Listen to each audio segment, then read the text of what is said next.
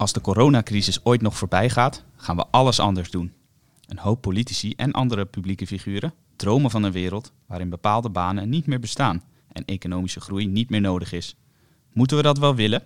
We gaan het bespreken met onze hoofdredacteur Arendo Joustra. Mijn naam is Matthijs van Schie. Goed dat u weer luistert naar een nieuwe podcast van Els 4 Weekblad.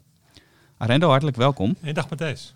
We horen de laatste tijd heel veel columnisten, maar ook politici, hoogleraren en andere publieke figuren zeggen dat het beter zou zijn als we na corona afscheid nemen van bepaalde bedrijven. Want die zijn om allerlei redenen niet meer van deze tijd, denken zij.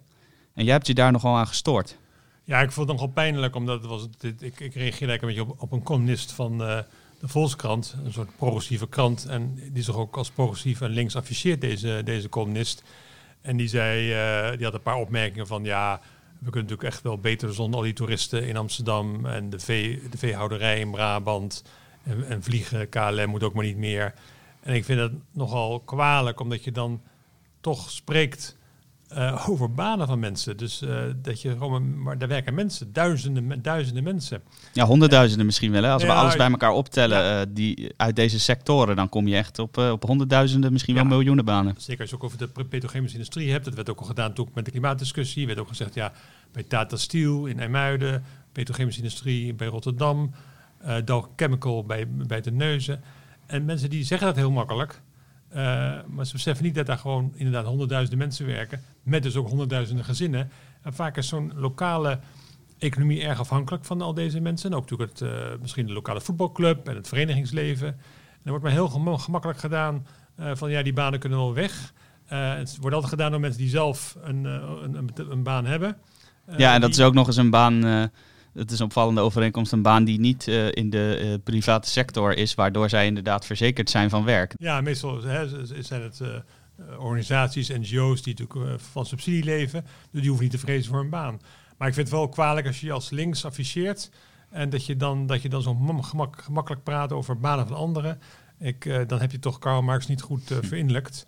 ik vind het echt kwalijk. En, en, en, en bovendien uh, we moeten eerst proberen uit deze crisis te komen. En we hebben al het hele bedrijfsleven nodig uh, om uit die crisis te komen. Niet alleen een, een, een, een, uh, crisis van de gezondheidszorg, maar ook een crisis van de economie.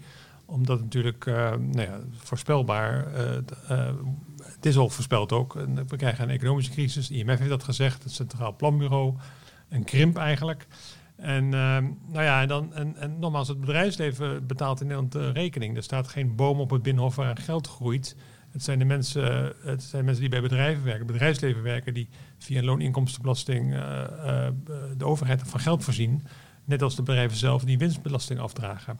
Dus ik vind het een makkelijke en gevaarlijke tendens als mensen zeggen, nou ja, het is beter voor de wereld als sommige banen niet meer bestaan. Ja, vandaar ook dat, dat de overheid allerlei steun uitkeert aan ondernemers en andere mensen die inderdaad hun, ja, heel afhankelijk zijn van hun baan om uh, te kunnen blijven leven überhaupt. Ja. En uh, in het uh, vorige nummer van Elsevier Weekblad hebben wij daar ook een groot coververhaal over hoe repareren we de economie. Dat is een heel uitgebreid verhaal met onze economieredacteuren en allerlei mensen uit de praktijk, ondernemers en andere werknemers die vertellen over hoe wij als Nederland het beste uit deze economische crisis kunnen komen.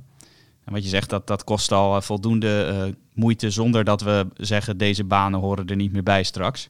Wat jij net zei over de, de geldboom die niet uh, groeit, aan het Binnenhof ook niet, is misschien wel aardig om eventjes naar een andere column in Elsevier Weekblad van jouw hand uh, te kijken.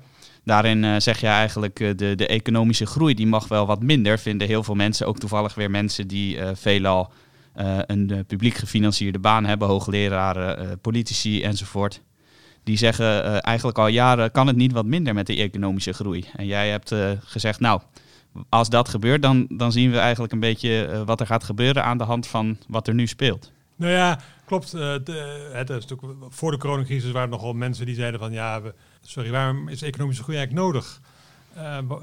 die begrijpen niet waarom dat nodig is. En, en dat vinden ze ook, economische groei vinden ze ook een soort aanslag op de planeet. En, en, en, en dus uh, werknemers worden uitgebuit. En, en, en ook voor de derde wereld misschien. Terwijl juist de derde wereld juist opklimt uit misère door economische groei.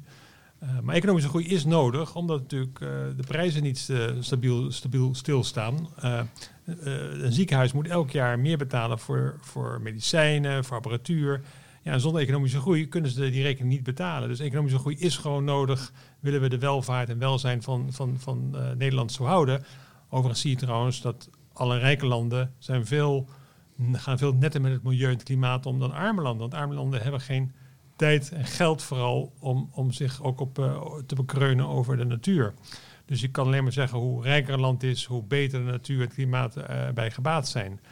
Maar goed, wat we nu gaan meemaken is, een, is uh, geen economische groei meer, maar een krimp. En dan zal iedereen die altijd uh, tegen economische groei was, is aan de lijf ondervinden wat het is om niet te groeien. Erger nog, om te krimpen. Dat gaat heel veel geld kosten. Er gaat heel weinig geld beschikbaar komen voor subsidies. Er gaat heel weinig uh, geld komen voor leuke dingen voor de mensen. En we zullen allemaal die rekening moeten gaan betalen. Dus dan zie je in de praktijk wat het betekent als je een keer niet groeit en zelfs krimpt als economie. Ja, en al die leuke dingen die jij noemt, daar komt natuurlijk nog bij dat er ook uh, sectoren zijn als de zorg, het onderwijs, eventueel uitkeringen van mensen die niet kunnen werken, immigranten, geld eventueel voor ontwikkelingssamenwerking of andere zaken, ja. die, die moeten natuurlijk ook ergens van betaald worden. Is een goed, is een goed punt, Matthijs, omdat er ook wel vaak gezegd wordt, dezelfde mensen, dat mensen in de zorg meer moeten verdienen, onderwijzers moeten meer verdienen, politieagenten moeten meer verdienen, er moet meer geld komen voor inderdaad onderwijs, gezondheidszorg. Ja, dat moet ergens uit betaald worden. En, en dat wordt altijd betaald, normaal gesproken, uit de economische groei. En als dat wegvalt, dan, uh, ja, dan, dan valt dat geld ook weg. Het is altijd makkelijk om te zeggen, ja, Nederland is een rijk land, we kunnen makkelijker meer immigranten opnemen. Of althans vluchtelingen.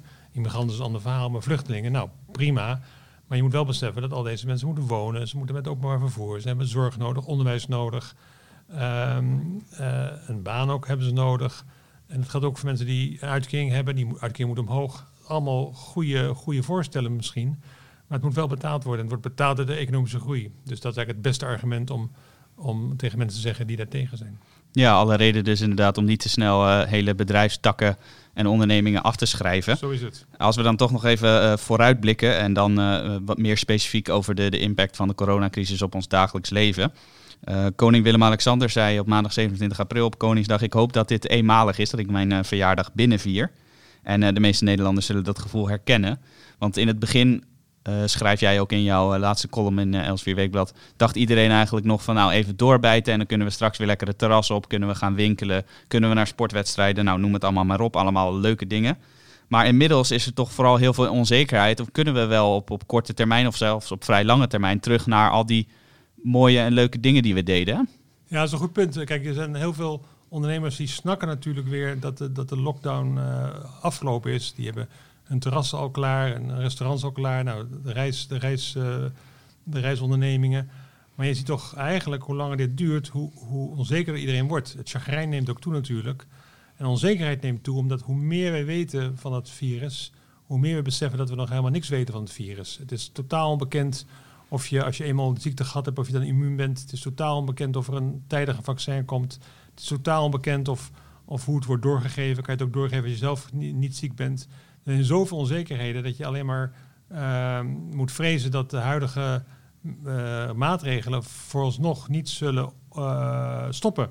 Ja, en dat betekent dat we in, in de samenleving, en de economie is onderdeel van die samenleving, nog heel lang moeten worstelen eigenlijk met met dit virus. En dat maakt uh, tamelijk uh, pessimistisch eigenlijk over, over um, ja, hoe snel we eigenlijk uh, deze tijd achter ons kunnen laten en voort kunnen, voor kunnen gaan, voort kunnen gaan met ons oude leventje.